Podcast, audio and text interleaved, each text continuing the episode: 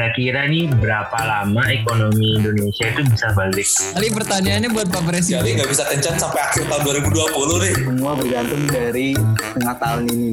Tarik sama yang pertama soal uh, mau cetak uang. Terus yang kedua soal harga minyak.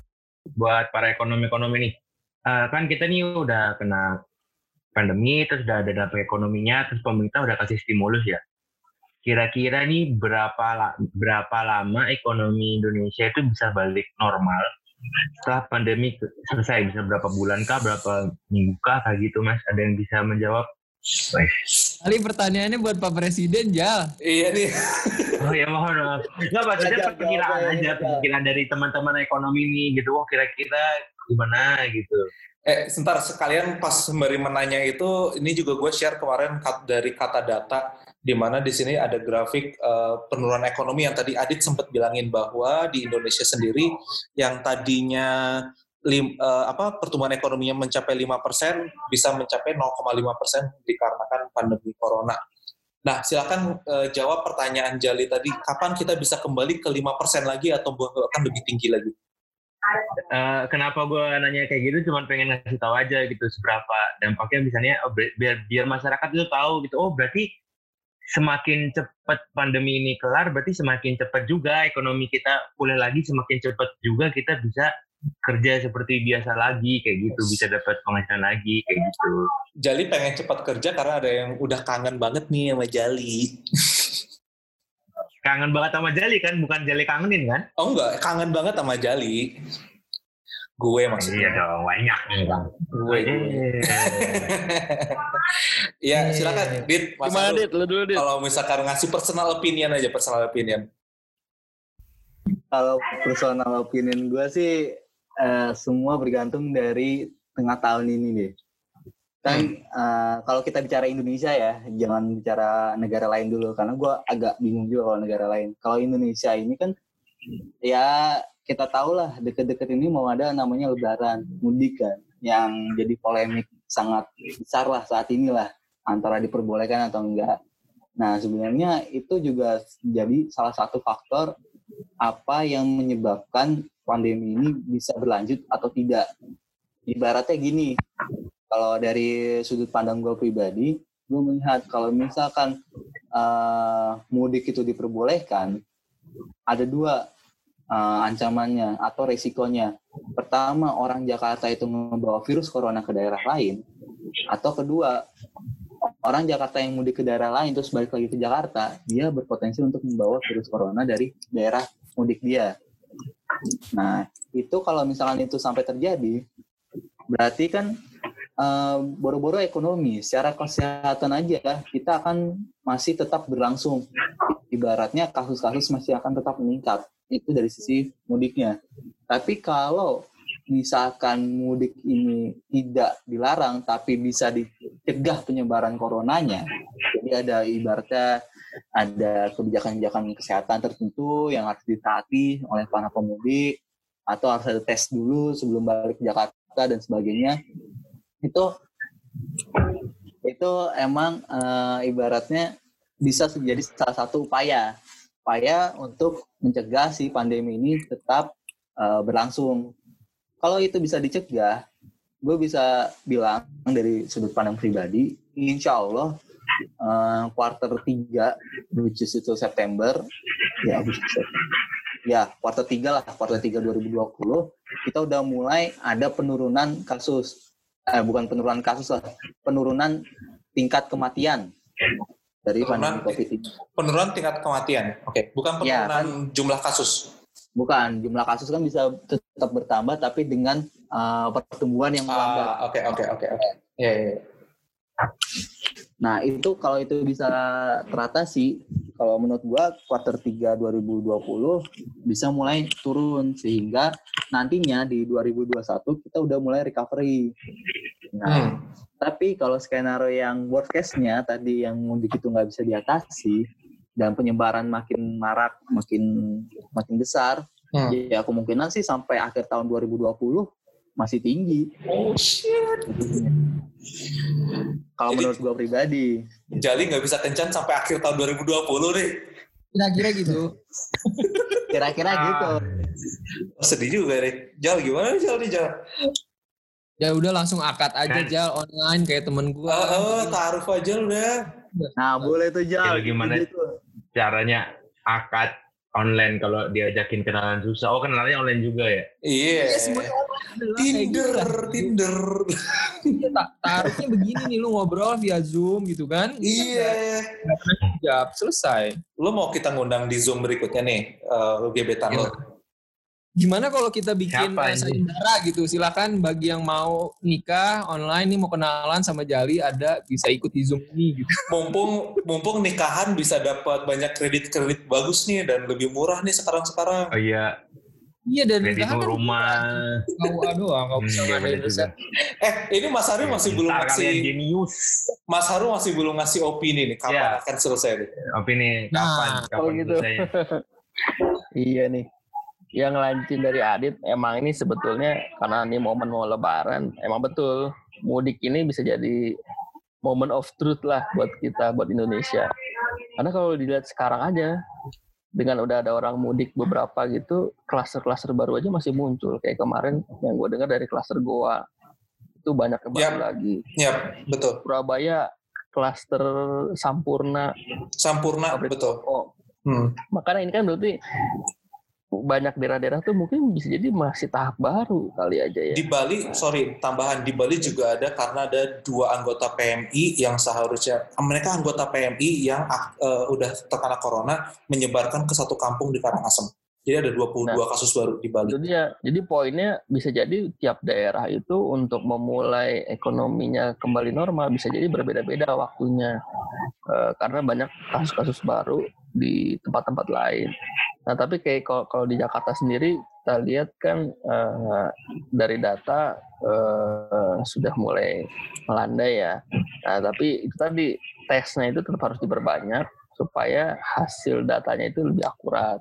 Hmm. Selain itu, eh, pokoknya intinya gini, di sisi kesehatan itu harus eh, dimaksimalkan dan masyarakat pun juga harus eh, patuh dengan apa yang sudah diberikan arahan atau himbauan dari pemerintah gitu supaya semuanya cepat cepat pulih gitu.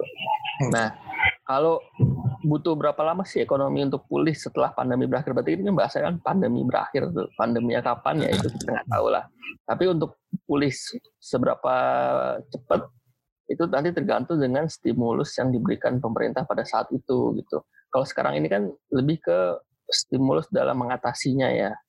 Nah nanti pasti pada saatnya eh, setelah pandemi berakhir pemerintah eh, akan memberikan stimulus-stimulus baru itu supaya bahasa Inggris itu eh, jump start the ekonomi lah kayak misalkan mobil itu mogok di jump start gitu loh apa akinya gitu kan Di, di, dikejut, dikejutkan, dikejutkan. dikejutkan gitu nah Eh. betul ekonomi pun juga seperti itu nah nanti eh, stimulusnya seperti apa ya kita tunggu lah gitu Oke. Dengan Nah, berarti kan kalau jumpstart tuh artinya kan ke Aki ya. Nah, berarti Aki ini sektor apa nih yang di jumpstart nih biar ntar langsung nyala gitu mobilnya. Kalau yang gue baca-baca nih sekarang-sekarang ini banyak yang udah memprediksi sektor mana yang akan jadi winner duluan nih setelah pandemi berakhir. Hmm. Yang pertama pasti Oh. laser liburan karena orang udah bosan di rumah kan. Oh, benar. Pengen liburan semua. Yes. Yang tadinya sebulan mungkin sekali ke daerah tertentu, nah ini mungkin wisata ke beberapa tempat sekaligus itu satu. Benar, benar, benar. Yang kedua entertainment juga eh, Ah, iya. entertainment, hiburan kan Pan Eh, gitu ya. udah bosen di rumah pasti Pan- pengen Pan, bioskop. panti pijat gitu-gitu ya? Waduh, Ah, iya. mainan jali. Itu itu bener sih. itu ya karena kita udah pegel-pegel kan. Nah, bisa. Eh, iya, iya, iya, iya. Nah, Mas Haru pegel-pegel juga, Mas Haru mau ke panti pijat. Coy, tiap hari. iya. Sama juga barbershop.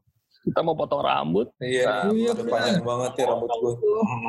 Nah, itu yang bakal duluan booming gitu. Jadi Tapi mungkin nanti perlu di- eh, terus terus terus terus Hmm.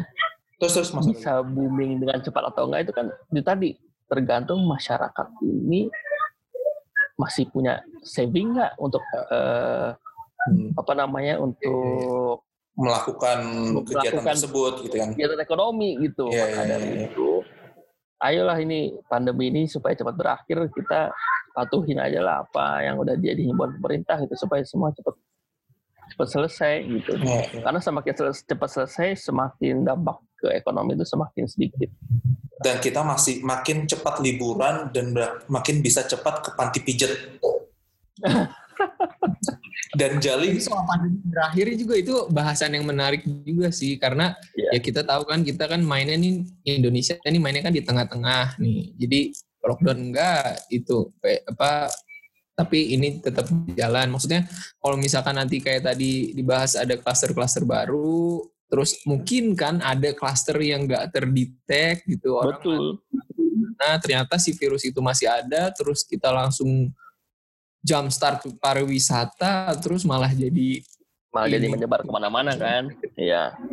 Makanya nih kalau menurut gua, ini sampai belum ada vaksin, itu semakin sam, apa sampai ada vaksin lah, itu ya semakin kita masih belum bisa memastikan kapan akan berakhir gitu.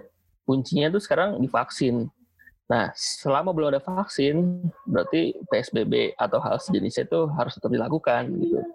Physical distancing, social gue sih distancing yakin tetap, sebenarnya tetap harus soal jalan gitu. hmm, gue sih yakin sebenarnya soal daya beli masyarakat tadi itu sebenarnya soal saving itu sebenarnya orang-orang juga udah pada mulai kehabisan gitu ya cuma ini pas banget momennya karena bulan Ramadan jadi kita juga nggak demo-demo kayak yang di Amerika gitu nggak sih Ya, Iya, betul, betul. puasa, Betul, orang udah pasti jalan nggak sih? Kemarin gue ngobrol sama istri gue tentang men ada kemungkinan nggak sih di Indonesia bakal demo-demo? Terus istri gue cuma jawabannya ya untung aja kita eh, kita dapat ke corona ini pas lagi bulan puasa jadi orang-orang bisa menahan amarah dan mereka juga terlalu kelaparan untuk pergi ke jalanan dan demonstrasi. Which is quite true sih itu biasa yang mudah-mudahan lah nggak terjadi lah ya. Ya mudah-mudahan jadi. Ah, ah, ah.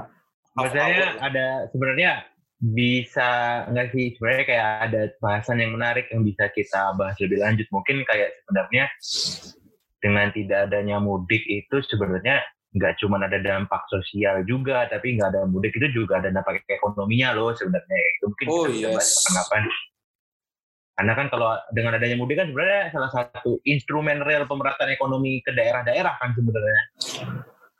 Iya, itu yang jadi masalah itu kan di waktu normal ya jalannya. Nah kalau di saat Hmm, pandemi kalau ini, normal.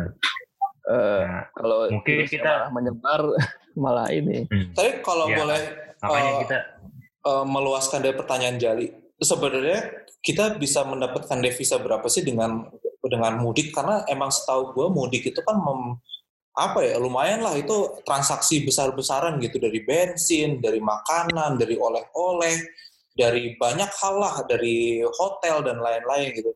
Ada nggak sih data-data sebelumnya? Atau nanti kita bahas di episode Mas berikutnya kali ya mudik ya itu kita bahas Oke oke oke khusus saja dengan ekonomi-ekonomi ini khusus. lagi mungkin oke oke oke oke khusus dengan khusus. dan orang-orang yang tidak bisa mudik iya dengan orang-orang yang bisa mudik. Karena datanya harus dicari dulu bro. Iya iya iya. iya. Tapi pasti Nah, ada sih? Dat- benar. Pasti ada nggak sih datanya? Datanya dapat dari mana ya Mas Ari? Pasti ada sih. Kayaknya ada ya Dit deh. Kayak mudik itu ekono, dampak ekonominya berapa ya ada kayaknya. Tapi harus ngelihat data ini mas, data apa wilayah. Ya Kalau benar. data wilayah kelihatan tuh PDB di kuartal 1 sama kuartal 2.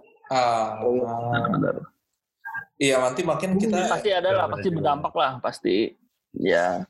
Cuma nanti kita, berapanya itu kan harus berapanya dilihat. harus dilihat. Oke nanti mungkin episode berikutnya kita ngomongin tentang mudik versus ekonomi, di mana kita juga ngobrolin sama orang-orang yang nggak bisa mudik, berharap mungkin mereka akan nangis di podcast kita akan bisa jadi lebih booming dan viral. Karena nggak dikit loh teman-teman gue yang udah ya Iya. mereka ngekos kan di Jakarta, yang ngekos sih di Jakarta akhirnya mereka kayak aduh nangis banget mereka nggak bisa mudik dan lain-lain. Oh, apa? dong Oke. Eh, terserah ini mau off record apa enggak. Gue sebenarnya tertarik sama yang ada dua tuh. Yang pertama soal isu eh, mau cetak uang sekian puluh triliun itu yang katanya jadi salah satu kebijakan baru buat ningkatin rupiah pas segala macem gue gak ngerti. Terus yang kedua soal harga minyak. Kalau harga minyak kan emang bener nih udah Turun. turun murah banget di Ah. dunia dan kita jual harga misalkan 2000 per liter gue baca kalau kita jual 9000 gitu untuk pertamax itu gimana sih itu bener nggak sih maksudnya kayak gitu gue jawab yang minyak aja ya. Kalau Kurang, cetak uang lu aja Dit. A- Adit yang jawab yang ini cetak uang ya. Gue yang minyak duluan. Oke oke oke. Kalau yang minyak, jadi gini, eh, kita mesti lihat dua sisi sih emang. Eh, yang pertama, emang sekarang kan udah rendah banget nih ya, secara nilai barrelnya tuh malah sempat minus. Nah, Yes. di sisi perusahaan minyak itu kan dia selain jualan bensin kan juga berproduksi nih, Hmm. berproduksi minyak. Nah, yang jadi masalah kalau harga jual crude-nya aja rendah banget, berarti kan nil eh, dan mungkin cost of production-nya bisa lebih tinggi itu jangan-jangan. Berarti kan Ada minus nih. kejadian tuh har temen gue ada. Heeh. Ya. Itu dia makanya karena di sisi itu bisa jadi berimbas ke sisi eh, penjualan bensinnya. Jadi mereka itu nggak bisa fleksibel untuk nurunin harga jual bensin eh, sebegitunya gitu. Karena kan di sisi produksi aja eh, ini juga ya pak terlalu rendah ya eh, harga jualnya gitu. Karena walaupun kita banyak impor tapi kan juga berproduksi nih kayak contoh misalnya Pertamina gitu. Nah gue gue jadi tergelitik nih. Ini kan kebijakan nih diambil. Kenapa nggak nurunin harga minyak supaya si Pertamina tetap hidup dan orang-orang yang kerja di Pertamina tetap jalan, ya kan? Supaya produksinya nggak apa harga biaya produksinya nggak lebih tinggi dari harga jual. Nah tapi kan sisi lain sebenarnya itu bukannya kalau secara umum kita ngelihatnya pemerintah lebih mentingin eh, istilahnya orang-orang yang punya perusahaan itulah daripada Ya, misalkan nurunin harga minyak yang dampaknya lebih masif untuk masyarakat Ya ya. Tapi ini menariknya gini, Mat, di saat eh, pandemi COVID ini, kan kita ini kan disaranin tinggal di rumah, di Ah. rumah aja. Nah, bisa jadi nih dengan harga yang masih tinggi itu kan, ya udahlah maks maksa secara nggak langsung tuh supaya masyarakat tetap di rumah gitu. Oh, arahnya ada Karena gini, ya. Sekarang aja Pertamina udah ngasih data tuh kemarin dia penjualannya turun 40%. Maksudnya gue gini, mau dimurahin pun kalau nggak ada yang beli, ya sama aja kan. Seperti itu. Nah, tapi Hmm. emang kalau di saat normal Oh, ya, gitu. emang harusnya kalau soalnya gini, kadang kan kalau minyak dunia naik, naiknya langsung cepet. Kalau minyak dunia turun, kenapa kok turunnya nggak Hmm. cepet gitu kan? Nah, emang kalau di saat normal harusnya sih kayak gitu kalau menurut gue pribadi ya, supaya lebih eh, adil lah gitu kan. Toh di negara lain pun kayak gitu, kayak di Australia yang gue perhatiin pas sudah turun banget tuh bisa lebih murah dari air mineral harga satu liternya bensin Wow. di Australia. Mm-mm. Nah, tapi ini menariknya juga yang gue perhatiin di Indonesia kan yang jual bensin nggak cuma Pertamina kan ada Shell, ada BP, ada Vivo ya. Vivo ya kalau nggak salah. Tapi kok mereka nggak nurunin juga. Padahal kan harusnya kan kalau bukan harga yang dipatok pemerintah kan ya market price kan gitu loh. Nah ini ini yang menarik nih. Apakah di belakang itu ada kebijakan supaya nggak diturunin agar orang nggak pergi-pergi gitu untuk konteks COVID-19 ini ya gitu loh. Makanya nih kalau di, saat normal yang tadi gue bilang harusnya kan tuh naik cepet turun juga harusnya cepet. Nah cuma kalau turunnya tajam kayak kemarin emang sih di sisi mining company ya itu tadi kalau productionnya lebih costnya lebih tinggi dari harga jual pasti ya berat juga buat mereka nurunin kan gitu. Oke, oke. Ya makanya ini kalau di saat normal tentu kita masyarakat harus kritis lah kalau turunnya udah jatuh banget. Kenapa nggak turun-turun gitu? Emang udah udah ada yang aneh lah kalau menurut gue ya. Gitu. Emang udah wajar lah kalau di saat normal eh, nggak selama ini harganya nggak diturun-turunin gitu. Kalau menurut segitu ya. Eh menarik sih maksudnya hipotesis Hmm. yang masalah. Maksud gue, lu tahu nggak sih eh, sharing Nah kalau kalau itu gue kurang paham bro. dengan Gue ngerti maksud lo kayak berapa sih yang hmm, diberikan ke pemerintah gitu kan ya ya. Nah, kalau data detailnya kurang paham sih. ya, ya, KPBN lah. Iya ya. Oke, eh, Adit bisa jawab yang tentang itu, Bud? yang percetakan uang. Saya ini kenapa nggak lu sekalian aja sih, Mas? Bagi-bagi dong, Dit. Bagi-bagi dong, Dit. Ini lo mau dijawab pakai teori apa pakai praktikal nih? Wede, dua-duanya lah. Bahasa itu. Capek tapi gue. Kalau gue juga ada pertanyaan, Dit. Nanti. Eh, lu nggak boleh mas nanya mas. Nggak, gini, gue jawab secara praktikal aja ya, karena kalau teori ribet banget. Ibaratnya gini, kalau terkait dengan percetakan uang, eh, kita harus melihat dari dua sisi juga. Jangan lihat bahwa eh, percetakan uang itu bisa meningkatkan eh, rupiah atau menstabilkan rupiah. Jangan dari sisi itu juga. Karena biar gimana pun percetakan uang itu impact juga ke inflasi. Gitu. Ya. Nah, gua kasih gambaran singkat. Kalau misalkan kita nyetak uang banyak, eh, berapa triliun lah atau berapa M lah kiranya. Asumsikan aja rupiahnya berhasil nih apresiasi eh, 5%.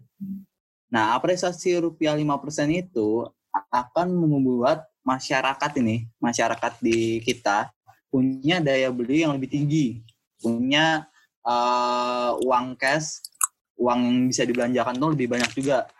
Tapi di satu sisi, uang yang dibelanjakan lebih banyak itu akan membuat harga-harga pangan itu inflasi.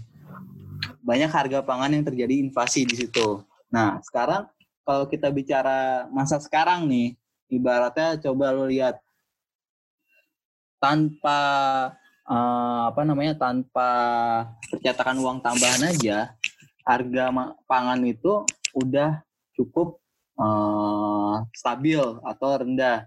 Tapi rendah dan stabilnya ini masih susah dijangkau sama masyarakat kita, terutama orang yang masyarakat berpenghasilan rendah. Nah, kalau kita hanya ngomong nilai tukar, nilai tukar menguat, tapi gimana akibatnya dengan masyarakat-masyarakat yang sampai harga sekarang aja belum bisa memenuhi kebutuhan pangannya karena banyak PHK, banyak uh, layoff, yang pendapatan masyarakat tuh jatuh turun. nah dari situ Ya, lanjut, lanjut, Dit, lanjut, Dit. juga Dit, lanjut, dengerin. Nah dari situ kita juga harus mempertimbangkan makanya kenapa eh, pemerintah itu masih mempertimbangkan langkah mencetak uang tambahan karena situasi COVID ini membuat pendapatan masyarakat normal itu aja udah jatuh. Kalau kita eh, ngasih cetak uang tambahan, harga pangan naik, paling ke masyarakat cuma bisa nambah pendapatan sekian persen, nggak setinggi ke inflasi gitu. Kenapa nggak setinggi inflasi? Karena efeknya ke masyarakat harus melalui lapangan kerja dulu. Orang-orang yang nggak punya lapangan kerja mau gimana pun caranya pendapatannya nggak akan naik, gitu. Tetap aja, tapi harga makanannya tetap naik. Nah ini kan impact yang tidak diinginkan oleh pemerintah. Nah paling itu sih penjelasannya kalau percetakan uang. Itu kan yang tadi praktikal ya, Dit. Jujur gue pengen tahu kalau teori, kalau teori kayak gimana. Anjir, jangan aneh-aneh loh. Jauh. Gue yang Jadi money supply naik. Inflasi naik. Nah, gitulah. praktisi aja gue gak ngerti anjir gimana teori. Gini, kalau teori Parah. mungkin lo bisa nanya ke hikmat. Yang post Coba, Dit. itu paling tinggi. Oh iya, iya, mungkin kita tanya hikmat kali ya. Iya. Dit, yang gue penasaran Dit, kan orang tuh suka banyak bilang quantitative easing itu kan sama kayak cetak duit ya. Nah, itu bedanya apa, Dit? Ah, lu pakai nanya segala sih. Ya, ini kan off the record lah. Iya, iya, Nah, gue juga, gue juga bertanya, gue juga Kalau bingung. lu kalau lu ngomong cetak duit itu sensitif banget di Iya. masyarakat kan. Nah, kadang-kadang tuh dikasih Hmm. istilah lah apa macam-macam istilah kan. Nah, salah satunya kan katanya itu quantitative easing. Nah, itu apa yang ngebedain cetak ce- cetak duit sama Lagi hot sama quantitative easing tuh. quantitative easing gitu. Gua kadang-kadang nggak nggak nangkep juga nih. Gitu loh. Nah, ini eh, tolong klarifikasi ya kalau pemahaman gue juga gue nggak tahu ini bener apa enggak. Jadi gini, ibarat kalau sepenangkapan gue, kalau misalkan kita cet, eh, bank sentral itu mencetak uang, mereka akan intervensi dari sisi moneter, yaitu intervensi dari sisi eh, likuiditas pasarnya.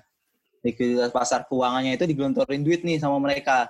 Jadi kayak bank sentral langsung beli banyak obligasi dan sebagainya. Nah kalau quantitative easing, quantitative easing itu nggak mesti bank sentral ngegelontorin uang di untuk likuiditas perbankan. Tapi quantitative easing itu bisa dari sisi yang lainnya, bisa dia melalui uh, pemerintah. Jadi bank sentral kayak ngebeli obligasinya pemerintah sehingga pemerintah punya dana untuk ya, ya. melakukan kebijakan-kebijakannya dia. Jadi lebih bervariasi, nggak mesti di ranah moneter. Gitu. Iya, soalnya masyarakat tuh udah mulai narik-narik nih. Narik-narik tuh dalam artian kuantitatif easing tuh equal to printing money apa uh, equal to directly to printing money gitu. Nah, padahal kan sebenarnya kan nggak nggak segitunya kan ya. Tapi kalau lu baca, nggak tahu ya, gue baca kan gue kan nih suka soal ekonomi kan gue memahami bahwa ternyata uh, si dewa-dewa ada yang postasnya tinggi. Iya yang postas paling tinggi. Wah memahami banget ekonomi sih sama hikmat.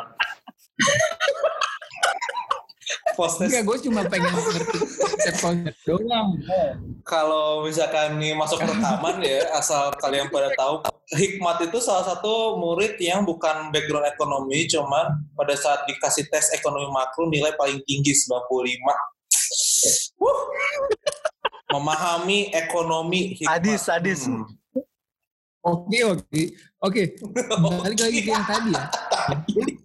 Itu karena dia tampan. Kalau misalkan Enggak, enggak. Se, nih, senior-senior ekonom itu kan pandangannya beda-beda. Soalnya gue perhatiin dari tadi Adit juga ketika memulai argumennya dia pasti bilang, nah ini tuh ada dua sisi ya. Nah ini tuh kita bisa, uh, maksudnya ternyata memang seperti itu kalau misalnya ekonomi itu karena banyak variabelnya. Nah, kalau gue selama ini suka ngelihat itu pandangan dari yang ekonomi yang pro pemerintah sama yang uh, kontra pemerintah gitu. Nah, apa yang disampaikan tuh kadang sangat bertolak belakang gitu loh. Nah, di situ timbullah pertanyaan-pertanyaan mana yang benar gitu. Kalau misalnya kalau dari calon-calon dewa ekonomi ini sebenarnya mana yang benar itu gimana sih kita ngelihatnya? Gimana jawabnya itu? Susah nih jawabnya, gue juga bingung jadi. Nah, mungkin kalau uh, menjawab mana yang benar, gue bisa jawab nggak ada yang benar, Mat. Jadi uh, kalau dari sisi ekonomi itu tergantung kondisi yang mendukung itu yang mana ibaratnya kalau misalnya kita kayak COVID aja nih pandemi corona kayak gini, stimulus yang diberikan pemerintah mungkin ada yang yang menganggap bahwa itu tidak sesuai, tidak tepat sasaran, karena mereka punya perspektif lingkungan yang berbeda sama pemerintah gitu. Jadi yeah, yeah. nggak nggak mesti dia benar atau enggak, tapi kalau kita cuma bisa melihat misalkan nih yang pro pemerintah, oh pemerintah A B C C D sampai sebagainya oh ini karena uh, lingkungan atau perspektif yang dilihat oleh pemerintah adalah dari sisi makronya atau dari sisi agregat. Pemerintah hmm. belum bisa menyentuh sampai mikronya, itu kekurangannya gitu. Kalau misalnya kita lihat yang kontra pemerintah, mereka mungkin melihat sampai uh, ibaratnya tetangga rumah sebelah lu atau RT RW lu yang benar-benar ya, mikro banget ya. nih, sehingga mereka tahu permasalahan atau uh, pertimbangan lain yang memang belum dipertimbangkan oleh pemerintah kayak gitu. Jadi ibaratnya bukan berarti pemerintah salah atau benar, tapi mungkin memang belum adjustable atau belum sesuai dengan seluruh wilayah Indonesia. Apalagi Indonesia ini kan kepulauannya macam-macam. Ya, di ya, timur, betul. di barat ya. belum tentu sama permasalahan. Setelah calon pejabat tadi nih. Lesnya bagus. Ada, luar biasa. Suka jawabannya nih. Oke, okay. Oke, ini udah dua udah berapa? Udah dua setengah jam nih lumayan panjang. Nanti kasihan editornya harus ngeditnya panjang-panjang juga. Uh, Jal, ada pertanyaan terakhir. Kalau enggak kita langsung ke kata-kata mutiara dari Mas Haru sama Mas Adit dari Mas Haru dulu kali ya. Itu Jal. Nah, kata-kata mutiara aja. Hah? Nah, kata-kata mutiara aja silakan Mas Adit Mas Haru. Oke. Okay.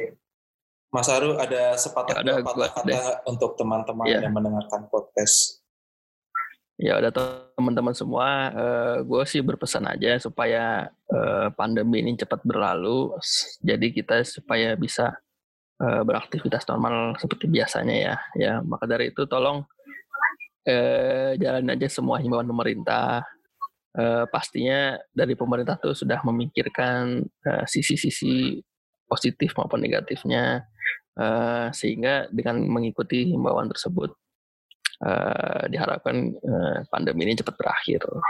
Ya, jadi ayo tetap konsisten jalanin peraturan, uh, tetap di rumah, uh, yang bisa di rumah di rumah, yang harus beraktivitas di luar tetap mengikuti protokol kesehatannya, ya supaya semua cepat berakhir. Kira-kira gitu. Amin. Dit, silakan Dit. Oke, kalau gue sih sebenarnya sama, cuma uh, mungkin dengan kalimat yang berbeda.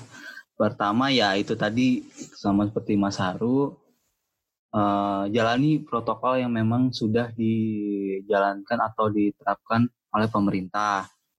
Untuk orang-orang kayak Jali yang nggak kepingin ketemu sama gebetannya atau pingin banget ketemu sama seorang yang dipuja-puja, nah itu ditahan-tahan dulu lah, nggak usah lah. Ini lagi masa kayak gini, tahan. Nanti tahan. aja lah. Pakai zoom lah atau pakai tinder dah aja gitu yeah, aja lah. betul. Setuju setuju. usah ketemu langsung gitu. Nanti kalau udah mulai reda nah lu puas puasin dah sana ketemu tuh. Gitu. Mungkin itu aja kalau dari gue sih. Jadi buat Jali agak bersabar ya, harus di uh, sendiri aja dulu aja, sendirian dulu aja, atau enggak apa ya pakai online ya Zoom, ya Tinder, ya Pornhub, ya silahkanlah terserah yang mana pun. yes, yes. Iya, iya. Dan Mbak Isni masuk lagi. Yes. Eh. Mbak Isni, halo. Kesimpulan Mbak Isni. Cuman tadi Mbak Isni kita udah ngebahas sampai kesimpulan terakhir, kita udah ngejelasin sampai ke penurunan harga minyak, kita udah ngejelasin dari pencetakan uang, nggak tahu itu apakah bisa masuk-masuk rekaman apa enggak, kita lihat nanti. Uh, cuman Mbak Isni ada kata-kata terakhirnya tadi Mbak Isni sempat keluar karena ada permintaan dari atasannya untuk mengerjakan sesuatu ya Mbak Isni ya sehingga harus keluar Zoom dulu. Sibuk banget ya Mbak, hari libur loh padahal loh Mbak. Nggak tahu nih Mas Reza, teman-teman. Kenapa milih rakor pas hari libur ya lupa kali oh, orang-orang tuh. eh, ada anak Mas Haru. Ih, lucu banget. Uh, Mas Aru mau di mau di ini nggak Mas Aru mau di apa dijodohin ke Malka anaknya masih kemat? Boleh dong, boleh dong. Giro jasa perjodohan. Mbak Isni ada kata-kata terakhir nggak Mbak? Atau mungkin ada tambahan? Lo jangan jodohin anak temen lu dulu, jodohin jali dulu. Uh, oh iya benar-benar. Cuy, sejujurnya lebih gampang jodohin anaknya Hikmat dan Mas Haru daripada Jali banget banget soalnya ya, luar biasa Jali dijodohin sana sini susah banget susah banget hmm. Oke balik-balik Mbak Isni ada tambahan enggak Mbak tentang ekonomi dan lockdown secara keseluruhan? Halo. Halo Mbak. Iya. Tambahannya ya. Mm -mm. Kalau tambahannya sih sebenarnya yang penting dari kita semua uh, sebagai ASN, lah, aku serius banget ya uh, ngejalanin aja tugas sama fungsinya masing-masing perannya semaksimal mungkin. Pasti pada ngerasain kan meskipun WFH malah jam kerjanya ngaret mulu, ngaret tambah panjang. Terus buat yang ngedengerin podcast kita tercinta ini, uh, semoga sehat terus. Terusnya disiplin, ngikutin uh, apa namanya apa yang udah ditetapkan sama pemerintah gitu aja sih. Terus oh ya coming soon kebijakan kur mau ada lagi hari ini relaksasi siang ini deh.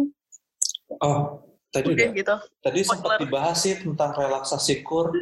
Uh, Mbak mau menambahkan yeah. atau aduh kasihannya editornya. Tambahin tambahin. Ya, ada 5 menit lah ngejelasin oh, kira-kira. Oh, mau menambahkan sih. Boleh boleh Mbak dijelasin deh Mbak tentang stimulus kur yang telah Mbak obrolin. Nanti gampang lah edit. Aja, nanti editornya mah bisa lah langsung potong-potong nanti Edit dimasukin lah. Aduh, updating aja updating. Yang udah launching aja dulu Mbak.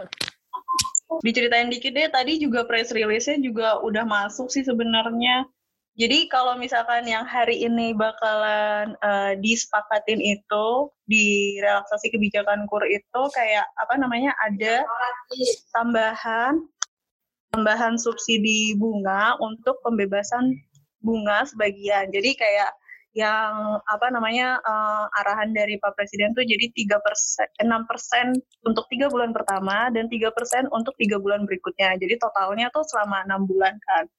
Terus yang sebelumnya tuh pernah uh, ada diskusi kan, ini sebenarnya penjaminan kur nih dijamin nggak sih kata perusahaan penjaminan? Jadi kan kalau misalnya di kur itu bank-bank yang menyalurkan kur, mereka tuh dijamin sama uh, perusahaan penjaminan kurnya status uh, COVID ini kan kemarin uh, sempat di meningkat ya, jadi statusnya jadi bencana nasional dari sebelumnya kedaruratan kesehatan masyarakat.